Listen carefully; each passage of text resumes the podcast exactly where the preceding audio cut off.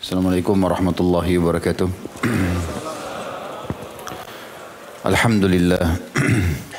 Selalu kita memuji Sang Pencipta Allah yang kita yakin Dia Maha Kuat, Maha Adil, Maha Bijaksana, Maha luas rahmatnya bagi orang-orang yang beriman dan amat keras siksanya bagi orang-orang yang kufur dan mungkar.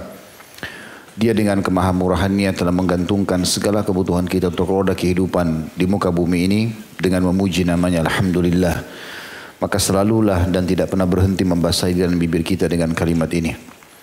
Juga kita menjadikan selanjutnya salam hormat kita kepada manusia pilihan sang pencipta Allah. Orang yang telah sukses menjadi seorang ayah, suami, sahabat, murid, guru. Murid karena pernah belajar dari Jibril alaihissalam.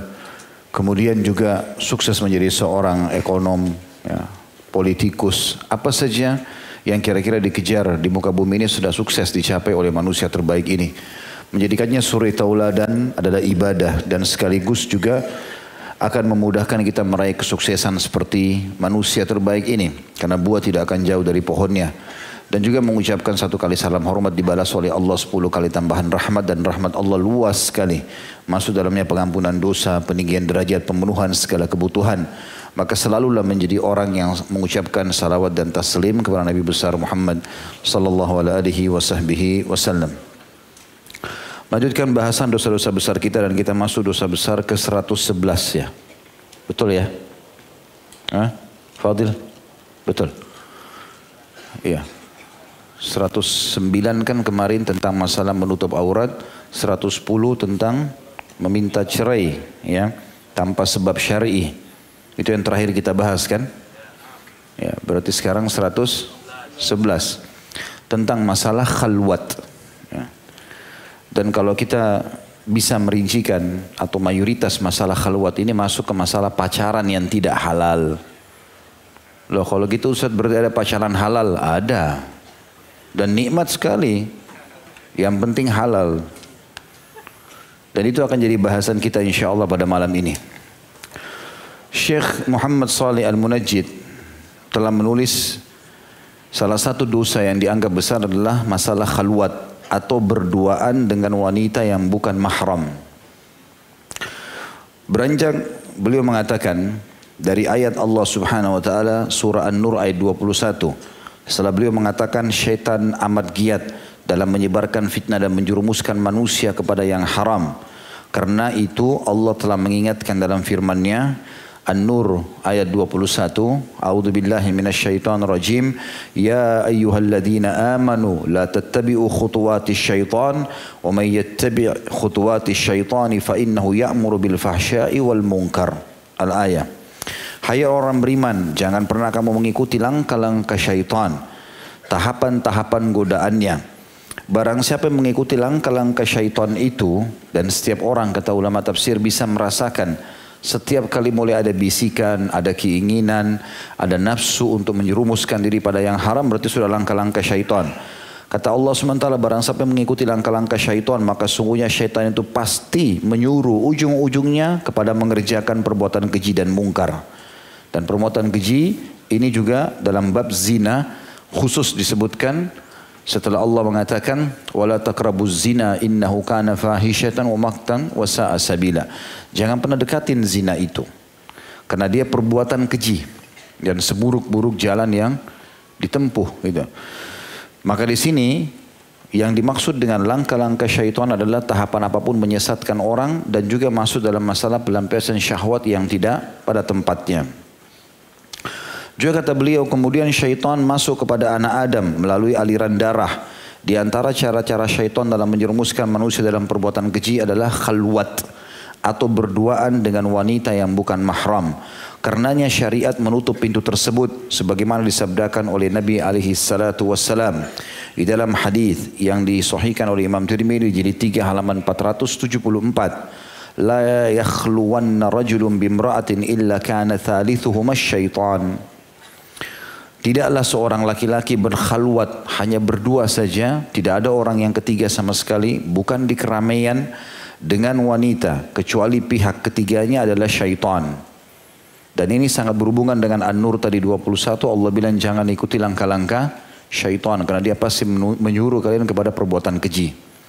Walaupun awalnya niatnya membantu, Walaupun awalnya hanya sekedar mau tahu. Walaupun awalnya niatnya baik. Di dalam sebuah riwayat yang lain dihasankan oleh para ulama, syaitan menggoda manusia mengerjakan perbuatan keji dari 99 pintu yang dianggap baik. Jadi kalau syaitan mau kita berzina, dia nggak langsung suruh buka bajunya. Tetapi tahapannya hanya lihat saja, kasihan, mau kenal, mau tahu. Terus saja syaitan berikan langkah-langkahnya, mana yang nyantol, ya sudah, yang enggak, ya enggak. Ada orang cuma ketemu, tapi belum akan ingin bersentuhan pada saat itu. Syaitan biarkan, yang penting sudah ketemu dulu. Lama pertemuan kedua, pertemuan ketiga sudah terbiasa melihat, maka tangan sudah mulai menjamah. Enggak apa-apa kok cuma salaman. Enggak peluk, enggak cium, enggak segala macam. Syaitan biarin. Tahapan setelahnya yang ketujuh, yang kedelapan ketemu sudah terbiasa. Lama-lama godaan syaitan standar. Kau kan juga akan nikah sama dia. Zinalah terjadi. Gitu kan? Dan ini yang dimaksud dengan yang ketiganya adalah syaitan.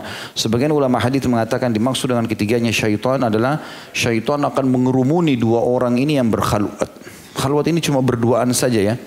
Tidak masuk dalam masalah khalwat. Kalau seseorang misalnya belanja, seorang wanita beli sesuatu di pasar, mau beli ayam, mau beli apa dari tukang sayur laki-laki. Lalu kemudian dia cuma tunjuk-tunjuk. Gak mungkin. Tukang ayamnya ngerti apa tunjuk-nunjuk. Oh saya nggak boleh bicara karena bukan mahram saya. Ini khaluat. Ini bukan khaluat. Ini rame-rame. Ya. Orang lagi bicara sama dokter, kamu sakit apa? Cuma tunjuk-tunjuk. Orang ngerti apa? Harus ngomong sama dokternya. Saya sakit ini, saya sakit ini, saya sakit ini. Biar jelas walaupun lawan jenis. Saat ibn Mu'ad radhiyallahu anhu pada saat kena panah dan dadahnya luka parah. Nabi SAW khususkan seorang wanita perawat Madinah untuk merawat Sa'ad bin Mu'ad radhiyallahu dan beliau ada di kemah tinggal sendirian pada saat itu. Pengobatan berbeda jadi ada hal-hal yang tidak masuk masalah ini. Tapi ini yang dimaksudkan adalah tadi saya bilang pacaran sebelum menikah yang hukumnya haram ya. Yang sekarang banyak ikhwan dan akhwat gunakan dengan konsep ta'aruf islami. Padahal ini kamu pelase ini ya. Membolak-balikkan fakta supaya boleh Pergi taklim kok Ustaz, tapi boncengan sama yang bukan mahram. Cari pahala tapi dosa juga. Nah. Juga dalam hadis yang lain Ibnu Umar meriwayatkan radhiyallahu anhu bahwasanya Nabi SAW bersabda la yakhluwanna rajulun ba'da yaumi hadha ala mugibatin illa wa ma'ahu rajulun aw aw ithnan. Sungguh kata Nabi SAW mulai hari ini tidak boleh lagi. Pada saat itu beliau haramkan. Tidak boleh lagi masuk seorang laki-laki dari kamu setelah hari ini kepada wanita yang tidak ada bersamanya suami atau mahramnya kecuali bersamanya seseorang atau dua orang laki-laki. Hadis ini riwayat Muslim jadi tempat halaman 1711. Maksudnya adalah ada orang lain yang menyaksikan. Ya. Tentu tidak masuk dalam masalah ini. Kalau kalau begitu Ustaz berarti saya ditemani sama teman saya Kemudian saya ketemu, ya. Habis itu teman saya masa bodoh, pura-pura main HP, pura-pura lihat tembok, ya. Sama saja nggak boleh, ya. Ini harus dirincikan supaya faham. Ya. Kata beliau berdasarkan petunjuk hadis di atas maka tidak dibolehkan seorang laki-laki berkhaluat dengan wanita bukan mahram baik di rumah, di kamar, di kantor atau di mobil, baik dengan istri saudaranya, dengan pembantunya atau pasien wanita dengan dokter atau yang semacamnya. Kalau hanya sekedar berdua saja. Banyak orang meremehkan persoalan ini entah karena terlalu percaya kepada dirinya sendiri atau kepada orang lain. Padahal khalwat sangat potensial untuk mengundang perbuatan mungkar dan maksiat. Paling tidak membangun prolog untuk mengarah ke sana. Karenanya tidak mengherankan jika semakin banyak ketidakjelasan nasab dan keturunan di samping jumlah anak-anak haram juga meningkat tajam. Pertanyaan kecil sekarang yang kita lebih dalam lagi membahas, Kira-kira kalau khalwat itu hanya sekedar ketemu, apa efek-efek syariatnya? Ada nggak pelanggaran-pelanggaran yang lain? Tentu jawabannya. Akan lahir pelanggaran yang lain. Pandangan mata yang haram akan terlihat. Pegangan, sentuhan akan terjadi. Baik itu sentuhan tangan, atau pelukan, akhirnya masuk ciuman dan akhirnya perbuatan zina. Gitu kan? Kemudian juga kalau sudah berjalan seperti itu dan khalwat, apalagi kalau sudah pertemuan kedua, pertemuan ketiga, pasti akan ada dandanan, ya, akan ada upaya untuk mencondongkan diri kepada lawan jenis. Kita lihat misalnya masalah khalwat ini berefek kepada jabat tangan yang diharamkan. Kalau jabat, jabat tangan itu sesama jenis, hukumnya halal, malah bagus. Laki-laki sama laki-laki, perempuan sama perempuan. Bahkan Nabi SAW memuji, mengatakan telah datang penduduk Yaman, penduduk ya, orang-orang yang paling lembut hatinya dan orang yang pertama mengajarkan kalian bersalaman. Kemudian hadis yang lain kata Nabi SAW tidak ada seorang atau dua orang muslim yang bersalaman. Kemudian mereka melepaskan tangannya kecuali dosa-dosa mereka berguguran. Jadi banyak sekali manfaat yang didapatkan tapi sesama jenis. Kalau lawan jenis hanya dibatasi pada mahram. Selain mahram tidak boleh sama sekali. Dan ini sangat dekat sekali dengan masalah khalwat. Orang duduk berdua kemudian pasti akan bersentuh-sentuhan. Ya. Dikatakan oleh beliau, pada zaman sekarang, efek-efek daripada khalwat, jabat tangan antara laki-laki dengan perempuan hampir sudah menjadi tradisi. Tradisi bejat ini mengalahkan akhlak islami yang seharusnya ditegakkan. Bahkan mereka menganggap kebiasaan itu jauh lebih baik dan lebih tinggi nilainya daripada syariat Allah yang mengharamkannya. Sehingga jika salah seorang dari mereka anda ajak dialog tentang hukum syariat dengan dalil-dalil yang kuat dan jelas tentu serta merta ia akan menuduh anda termasuk orang yang kolot, ketinggalan zaman, kaku, sulit adaptasi, ekstrim, hendak memutuskan tali silaturahim, menggoyahkan niat baik dan segala macam hal. Ya, kadang-kadang dari kerabat kita, ini kok nggak mau salaman, aliran apa nih? Nah. Langsung dulu. Padahal Allah yang haramkan, tapi disesatkan dulu orang karena dia tidak tahu hukumnya. Ya. Sehingga dalam masyarakat kita berjabat tangan dengan anak perempuan, paman atau bibi, dengan istri saudara atau istri paman, baik dari pihak ayah maupun dari pihak ibu lebih mudah daripada minum air. Ya, sekarang banyak orang menganggap di Indonesia istri pamannya itu tante, suami tantenya paman, benar nggak? Dipanggil juga om, dipanggil juga paman. Padahal mereka bukan mahram. Ya. Kapan dia cerai, si laki-laki itu cerai sama tante kita, dan kita di posisi misalnya seorang akhwat, maka boleh menikah dengan mantan suami tante. Ya. Yang tidak boleh kalau menggabungkan antara tante sama ponakan dalam poligami. Gitu kan? Sebagaimana tidak boleh gabungkan ibu sama anak. Tetapi kalau terpisah, cerai, ini boleh. Ini mirip juga dengan ipar. Banyak di Indonesia orang anggap, oh ini kan adik ipar saya. Maka dia suruh adiknya mengantar istrinya misalnya. Maka boncengan berdua pakai motor, berdua pakai mobil. Ini bukan mahram. Sampai waktu Nabi SAW sampaikan hadis ini. Tidak ada dua orang laki-laki dan perempuan berduaan kecuali yang ketiganya syaitan. Ada seorang sahabat mengatakan, ya Rasulullah bagaimana kalau ipar? Karena biasanya kalau kita nggak bisa antar istri, sibuk, telepon adik, telepon kakak, suruh antar. Gitu kan? Maka diantarlah istri kita. Kan tak apa-apa, ipar. Maka sahabat ini tanya, ya Rasulullah kalau ipar gimana? Kata Nabi SAW, Alhamu maut. Ipar itu justru kematian. Karena naudzubillah, kalau terjadi perselingkuhan teman-teman sekalian dengan saudara kita, gimana kita menghadapinya? Ini istri, ini kakak. Atau ini istri, ini adik. Gitu. Berat sekali. Banyak kasus yang pernah sampai kepada saya masalah rumah tangga begitu. Sampai akhirnya yang jadi istri atau yang jadi suami ini jadi korban luar biasa. Dia jadi serba salah akhirnya. Ada orang yang tidak punya agama, akhirnya dia serba salah, dia pura-pura nggak tahu. Padahal satu rumah itu ya sudah melakukan perbuatan-perbuatan haram. Dia tahu kalau kakaknya atau adiknya selingkuh dengan suaminya atau dengan istrinya. Tapi dia serba salah. Dia, dia coba aja masa bodoh. Kadang-kadang bahkan tidak jelas anak itu. Ini sperma si kakak atau si suami atau si adik atau si suami gitu. Sampai pada tingkat seperti itu dan itu berbahaya sekali. Saya pernah hadapi kasus itu, ada orang yang menyampaikan kepada saya luar biasa gitu. Sampai akhirnya jadi korban banyak sakit, eh, apa namanya stres, gara-gara dia tidak bisa serba salah untuk meluruskan. Disampaikan ke keluarganya pun, keluarganya juga minta bukti. Serba salah, mau buktinya bagaimana caranya dan seterusnya. Ya. Maka ini juga yang dimaksudkan dalam hadis ini, maka harusnya hati-hati.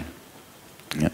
Karena bermula dari salaman akhirnya berakhir dengan perbuatan zina. Maksud dari firman Allah SWT wala tattabi khutuwati syaitan, jangan mengikuti langkah-langkah syaitan, jangan mulai dengan tatapan haram, dengan omongan yang haram, dengan sentuhan haram, karena pasti akan ke sana ujungnya. Di dalam sebuah riwayat yang lain dihasankan oleh para ulama, kata Nabi SAW, hadis ini diriwayatkan oleh Tabarani dalam Sahihul Jami' hadis nomor 4921. Kata Nabi SAW, La an yut'ana fi ra'si ahadikum bimakhitin min hadidin khairun lahu min an yamassum ra'atan la tahillulah.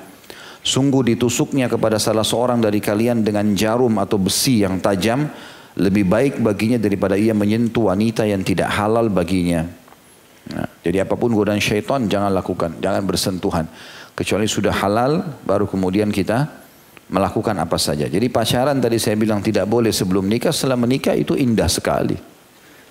Masuk hotel sama-sama tidak takut, safar sama-sama tidak takut, hamil berulang-ulang bangga.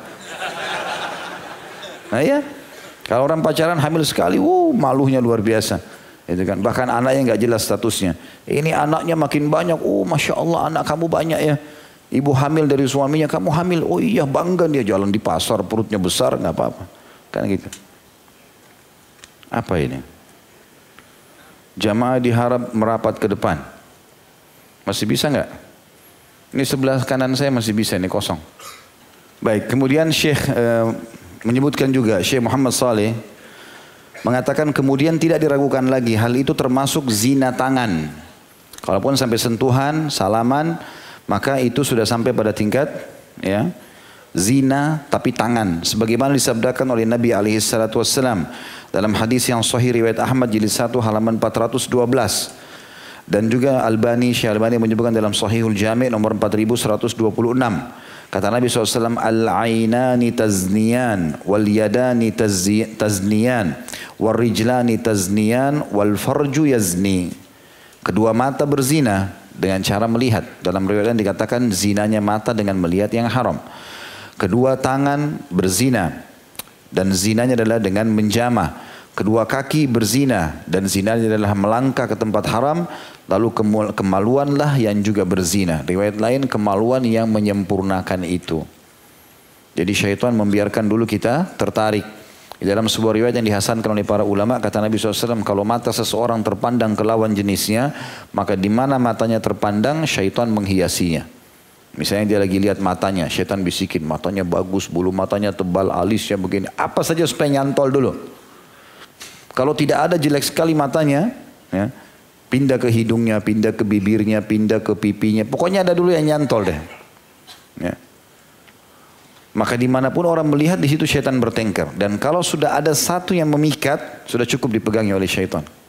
Setiap kali ketemu orang itu, itu dulu yang dilihat. Supaya bisa tertarik. Ya, makanya jangan buka pintu itu teman-teman. Dan konsep yang mengatakan sering tersebar di masyarakat kita, kan kalau saya tidak pacaran bagaimana saya menikah Ustaz? Bagaimana saya kenal dia? Sudah pernah saya sampaikan, konsep ta'aruf dalam Islam jelas. Tiga hal yang diperhatikan saja. Lihat sesuatu yang menarik dari calon pasangan. Dan yang dibolehkan wajah dan telapak tangan. Kata Nabi SAW, lihatlah sesuatu yang mendorongmu untuk menikahi calon pasanganmu. Gitu kan? Pernah juga Nabi SAW berkata kepada seorang sahabat, dia bilang, ya Rasulullah, saya mau nikahi wanita. Kata Nabi SAW, pergilah dan lihat sesuatu yang bisa menarik dari wanita tersebut. Tapi memang ada batasan, kata ulama, wajah dan telapak tangan. Ini udah cukup, gitu kan? Dan ini disarankan nazar syar'i lihat langsung. Jangan andalin foto. Foto banyak edit. Hmm? Uh, fotonya bagus dikirim. 30 foto semuanya luar biasa. Kalah artis-artis. Begitu akad nikah muncul beda. Kayak ini masalah. Ada terjadi begitu. Loh kemarin yang saya lamar ini fotonya. Loh itu foto saya. Hmm. Padahal salah. Nggak boleh. Dan pada saat nazar ini ada adab-adab. Tidak boleh ada manipulasi. Tidak boleh pada saat perempuan dilihat dia pakai sepatu tinggi misalnya. Itu sampai dibahas oleh para ulama. Sehingga laki-laki ini tertipu dengan tingginya. Mungkin dia suka perempuan tinggi, ternyata ini pendek. Sepatunya aja sudah 18 cm. Tapi karena pakai abaya nggak kelihatan kan. Begitu dibuka ternyata pendek sekali cuma sampai di perut nih. Maka harus apa adanya dia jalan ya dia jalan begitu dan boleh sebagian ulama mengatakan kalau orang lagi nazar dia boleh minta supaya perempuan itu jalan tapi ada mahramnya. Ini nazar syar'i, gitu kan? Karena siapa tahu dia pincang, gitu kan? Maka itu dibolehkan. Dia boleh ajak bicara dan boleh perempuan itu menjawab, perempuan itu boleh bertanya. Itu dibolehkan dalam syariat, tapi tidak boleh khalwat, tidak boleh berduaan. Gitu kan? Maka ini dibolehkan dalam syariat. Begitu juga dengan tidak boleh dia melakukan hal-hal yang sekarang banyak dilakukan ya. Orang e, mengubah wajahnya semuanya, mengubah dagu, mengubah ini, mengubah itu. Ini manipulasi. Sekarang kalau orang lihat, oh begini ya tampangnya, wajahnya. Orang tiba-tiba berpikir, kalau dia jangka panjang pikirannya, kalau misalnya seorang laki-laki lihat perempuan tertipu dengan muka yang dikemas dengan sedemikian rupa, operasi inilah, lakukan inilah, segala macam. Ini kan tidak boleh mengubah ciptaan Allah ya. Pada saat dia ubah itu, laki-laki ini berpikir, oh dia cantik seperti ini. Berarti anak saya nanti begini nih. Begitu hamil melahirkan anaknya beda. Karena muka ibunya sebenarnya bukan begitu. Bukan asli. Kenapa Ustaz cuma sebut perempuan? Karena ini perilaku perempuan. Botox, botox, apa segala kan perempuan. Ada di sini laki-laki yang lakukan? Hah? Mencurigakan ini kalau ada. Untuk apa untuk kecilin dagu apa segala macam mancungin hidung. Pesek pun laku kan. Tapi ini banyak di alam perempuan masalahnya gitu. Ini tidak boleh ya. Akhwat harus paham. Dalam masalah nazar ini nggak boleh. Masalah nazar tidak boleh teman-teman menipu. Uktinya keluar apa adanya. Dia kelihatan wajah, telapak tangan, ya. Kemudian tampil apa adanya. Tidak boleh dia kelihatan keluar dengan sepatu yang tinggi misalnya, dengan ini dan itu itu tidak boleh. Ya tidak boleh sama sekali. Ini poin yang harus digarisbawahi supaya tidak ada manipulasi ya. Antum juga ikhwas sekalian kalau datang apa adanya. Antum memang kondisinya pakai motor, datang pakai motor akhi. Gitu. Tidak usah pinjam mobil Mercy-nya teman. Sengaja pelan-pelan depan pagar klakson ribut-ribut supaya pagarnya dibuka. Oh iya pakai mobil Mercy nih. Enggak tampil apa adanya. Tidak ada manipulasi. Itu yang pertama. Jadi melihat sesuatu yang menarik dari lawan jenis yang dibolehkan secara syar'i. Yang kedua, kita boleh uh, melihat keluarganya. Ya, keluarga ini kita bisa mengenal karakter. Karakter itu kita kenal misalnya kalau dari keluarga ibu, sudah pernah saya jelaskan itu, ibu calon laki-laki atau suami atau calon istri, itu karakternya. Kalau secara fisik, ya itu dari keturunan ayah. Kemudian yang ketiga, itu melihat lingkungan, tempat kerja, lingkungan hidup dan kita boleh bertanya masalah itu sudah cukup insya Allah. Jadi tidak perlu kita mengajak orang itu keluar dan seterusnya. Dan cukup banyak riwayat yang menjelaskan kalau Nabi alaihi salatu wassalam tidak pernah menyentuh tangan perempuan yang bukan mahram. Di antaranya kata beliau adalah riwayat yang disebutkan inilah amassu aidin nisa. Dan hadis ini diriwayatkan oleh Tabarani dalam kitab Al-Kabir jilid 24 halaman 342 dan disebutkan oleh Al-Bani dalam Sahihul Jami' nomor 70554. Artinya sesungguhnya aku tidak pernah menyentuh tangan wanita, maksudnya yang tidak halal buat aku. Juga dalam riwayat yang lain Nabi alaihi salatu wasallam bersabda dalam hadis riwayat Ahmad jilid 6 halaman 357 Inilah usafihun nisa. Sesungguhnya aku tidak pernah berjabat tangan dengan wanita, maksudnya yang bukan mahram. Juga dalam hadis yang lain, Aisyah sendiri Ummul Mukminin radhiyallahu anha, beliau menceritakan tentang sikap Nabi alaihi salatu wasallam. Beliau mengatakan, "La wallahi ma massat yadu Rasulillah sallallahu alaihi wasallam yadam ra'atin qattun ghaira annahu yubayyihunna bil kalam." Demi Allah, sungguh tangan Rasulullah SAW tidak pernah menyentuh tangan perempuan sama sekali. Tetapi beliau membaiat mereka dengan perkataan. Jadi cuma mengucapkan saja misalnya, saya membaiat kalian, saya menerima baiat kalian. Tapi Nabi SAW tidak pernah salaman satu persatu. Sementara dengan laki-laki beliau salaman. Nabi SAW salaman menerima baiat mereka. Kata beliau hendaknya Seseorang takut kepada Allah, orang-orang yang mengancam cerai istrinya yang solehah karena tidak mau berjabat tangan dengan saudara-saudara iparnya. Perlu juga diketahui berjabat tangan dengan lawan jenis meski memakai alas atau kos kaki hukumnya tetap sama.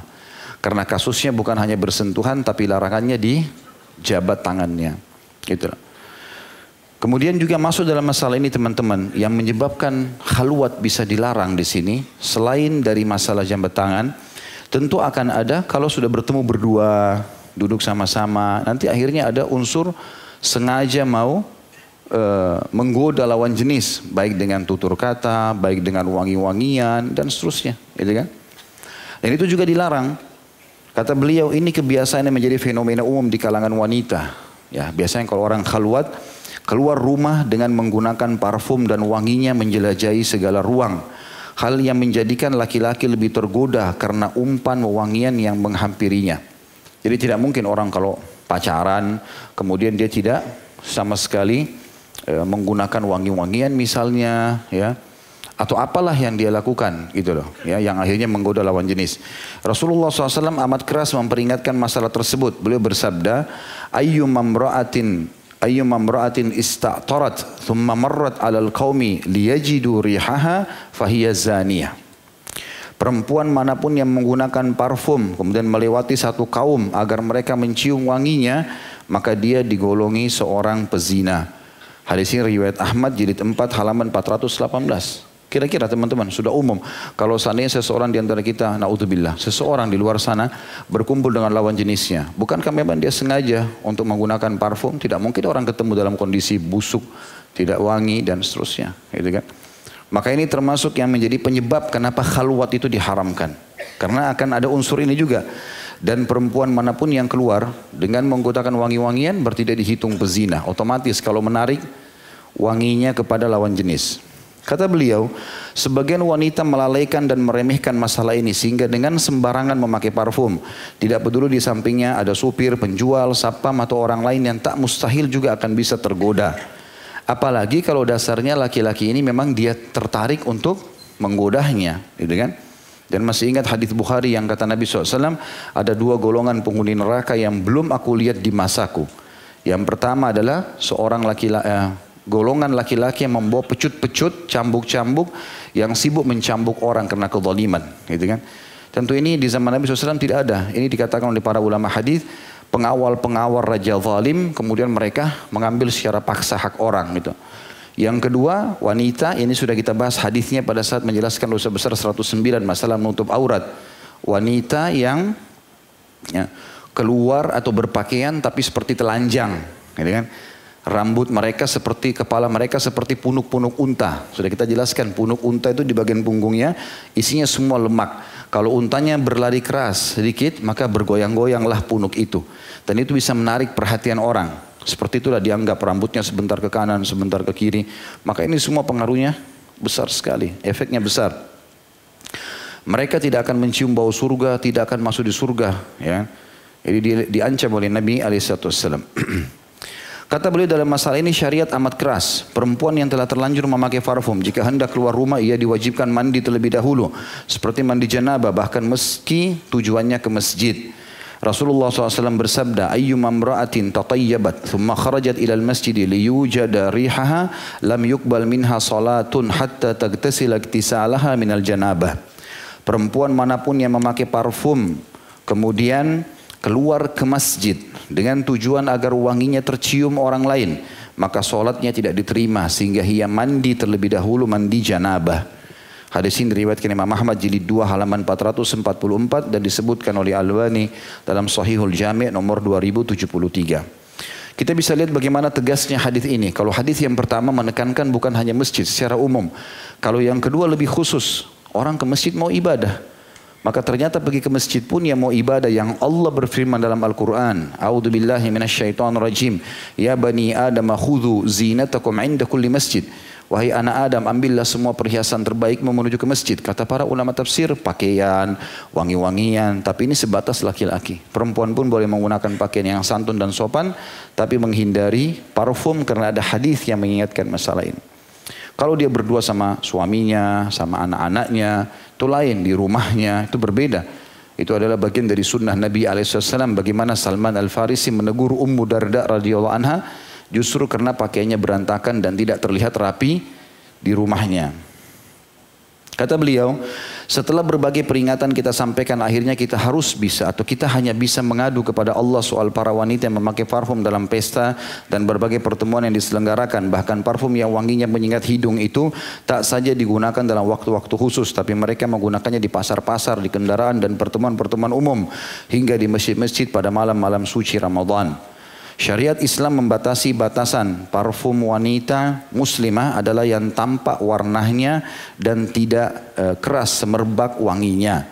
Jadi ada hadis yang lain menyebutkan sebaik-baik parfum buat laki-laki yang warnanya tidak terang dan baunya keras dan sebaik-baik parfum bagi wanita yang warnanya terang tapi baunya tidak keras.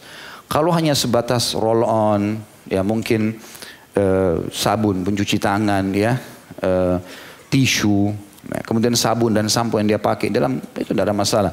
Atau orang menggunakan sedikit yang orang pakai cadar takut bau lalu diberikan sedikit minyak wangi yang tidak ada sengatannya, hanya dia saja. Maka itu masih ada orang yang membolehkan atau para ulama membolehkan. Tapi kalau sudah sampai pada saat menyengat ini bahaya. Abu Hurairah radhiyallahu anhu pernah menemukan ada wanita menuju ke masjid wangi sekali. Saking wanginya sampai Abu Hurairah ada di seberang jalan, wanita itu di seberang kecium. Maka Abu Hurairah mengatakan, wahai hamatullah, hamba Allah, pulanglah ke rumahmu sekarang dan mandilah seperti mandi janabah. Kita bersihkan benar-benar baru kau keluar. Makna kalimat ini adalah kalau sesuatu itu tidak menyengat, tidak keluar. Karena tidak mungkin juga muslimah pergi ke pengajian dalam kondisi badannya bau, bajunya kotor kan tidak mungkin. Tapi di sini masalah menyengat atau tidak menyengatnya. Dan ini pasti sangat berhubungan sekali dengan masalah khalwat. Ya, masalah khalwat. Ya. Oleh karena itu teman-teman saya ingatkan kembali bagi orang-orang yang mau berumah tangga, maka berumah tangga bukan dimulai dengan kemaksiatan. Karena rumah tangga adalah ibadah. Itu ibadah. Maka mulai dengan perbuatan-perbuatan yang baik. Tidak usah khawatir teman-teman sekalian. Saudi sekarang disurvei, ada survei internasional, negara yang paling sedikit perceraiannya Saudi. Kok bisa? Padahal di sana mereka kebanyakan kalau menikah tidak ada pacarannya. Justru mereka pacaran setelah akad nikah. Itu jauh lebih langgeng, lebih baik karena dimulai dengan kebaikan. Ada orang subhanallah melakukan perbuatan haram. Dia pacaran 10 tahun, 2 bulan nikah cerai. Gitu kan. Karena kenapa? Waktu pacaran disembunyikan semua. Ditunjukkan yang terbaik-baik. Begitu sudah menikah baru ketahuan sifat-sifat tidak baiknya. Maka ini semua tidak dibenarkan secara syariat. Kalau orang muslim benar, dia akan menikah dengan apa adanya dia melangkah. Ini semua termasuk efek-efek khalwat. Masuk dalamnya juga selain salaman, ya, selain juga tadi mungkin menggunakan parfum yang diharamkan dengan yang bukan mahram, juga melihat hal yang haram dan ayat Al-Quran berbicara masalah itu. Katakanlah kepada orang-orang beriman, hai Muhammad agar laki-laki yang beriman menurunkan pandangan mata mereka, yang perempuan juga begitu menurunkan pandangan mata mereka. Dan dalam hadis Bukhari kata Nabi SAW, siapa pun yang menurunkan pandangannya dari yang haram, maka Allah akan tanamkan kenikmatan iman dalam hatinya sampai hari kiamat. Makna sampai hari kiamat kata sebagian ulama hadis bukan cuma di dunia, sampai di akhirat dia akan rasakan kegembiraan pada saat menerima balasan pahalanya. Dan itu sulit untuk dihindari. Orang kalau khalwat berduaan pergi ke restoran tertutup, berduaan pergi ke pantai, berduaan pergi ke gua, bahkan ada orang sama sekali tidak ada keimanan, pacaran di kuburan. Ya. Yang kuburan adalah tempat mengingatkan masalah akhirat, ketakutan, musuh ini tidak. Tidak peduli lagi jam, tidak peduli lagi begini sampai berzina, naudzubillah. Ya, ini berbahaya sekali. Padahal kuburan kata Nabi SAW waktu beliau melihat ada jenazah sahabat yang mau dikuburkan. Lalu beliau tanya apa ini? Oh ada sahabat, ada seseorang yang mau dikubur ya Rasulullah. Nabi SAW buru-buru ke sana. Begitu tiba dekat liang lahat beliau letukkan, turunkan lututnya dan beliau memandang ke bawah. Dan para sahabat mengatakan kami menyaksikan Nabi SAW menangis banyaknya air matanya sampai membuat tanah di depannya basah. Lalu beliau berkata pada saat itu, untuk seperti inilah ditunjuk liang lahat tersebut, kalian harus punya persiapan. Jadi kuburan untuk tempat mengingat kematian, gitu kan? Nabi SAW mengatakan kuntu, uh, kuntu nahitukum an ziyaratil kubur fazruha fa inna akhirah. Dulu di Mekah aku pernah larang kalian menziarahi kubur karena kuburan di Mekah orang Islam masih sedikit. Jumlah umat Islam di Mekah selama 13 tahun 153 orang, 80 orang hijrah ke Ethiopia, sisa 73 orang. Jadi sedikit sekali kuburan mereka masih sangat sedikit dan fitnahnya besar, banyak kuburan orang-orang kafir. Maka Nabi SAW melarang. Begitu tiba di Madinah beliau mengatakan di Mekah saya pernah larang kalian ziarah kubur, sekarang ziarahilah. Karena itu mengingatkan kalian akhirat, bukan malah membuat maksiat. Gitu kan? Maka ini harus diperhatikan teman-teman sekalian. Karena ini menjadi hal yang biasa, fenomena biasa. Bahkan akhirnya penjual-penjual minuman, makanan ramai juga di kuburan. Ini untuk memberikan orang yang berbuat maksiat itu. Nah, ini jadi masalah juga ini. Berapa banyak tempat-tempat maksiat sekarang malah mendukung masalah itu. Bioskop lah, karaoke lah, tempat-tempat kemaksiatan. Ini semua harusnya dihindari karena ini membawa kepada pelanggaran-pelanggaran agama. Dan ini masuk dalam kategori Allah alam dosa besar yang harus diperhatikan. Ya. Uh, ada ayat-ayat Al-Quran yang berhubungan dengan masalah salah satu efek daripada khalwat tadi adalah melihat yang haram Itu dalilnya dalam surah An-Nur ayat 30 ya.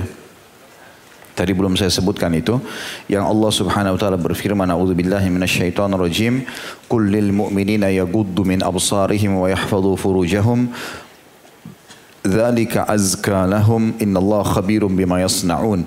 Katakanlah kepada orang laki-laki yang beriman hendaklah mereka menahan pandangannya dan memelihara kemaluannya dari yang haram. Maksudnya yang dimakan itu adalah lebih suci bagi mereka. Sesungguhnya Allah Maha mengetahui apa yang mereka perbuat. Juga di ayat 31-nya Allah juga merincikan tentang perempuan. A'udzu billahi minasyaitonir rajim wa qul lil mu'minati yaghdudna min absarihinna wa yahfazna furujahun. Al-ayah. Dan juga katakan kepada wanita yang beriman hendaklah mereka menahan pandangannya dari yang haram dan memelihara kesucian kemaluannya. Ini tadi efek daripada khalwat itu. Juga sabda Nabi alaihissalam dalam hadis yang sahih. Disebutkan Imam Ahmad jadi dua halaman 69. Fazinal ainun nazar ai ila ma Allah. Dan zinanya mata adalah melihat kepada apa yang diharamkan Allah. Ya. Kita insya Allah ketemu di Rabu akan datang. Semoga bermanfaat. Subhanakallah bihamdika. Syadu an la ilaha illa anta astagfiruka wa atubu ilaik. Wassalamualaikum warahmatullahi wabarakatuh.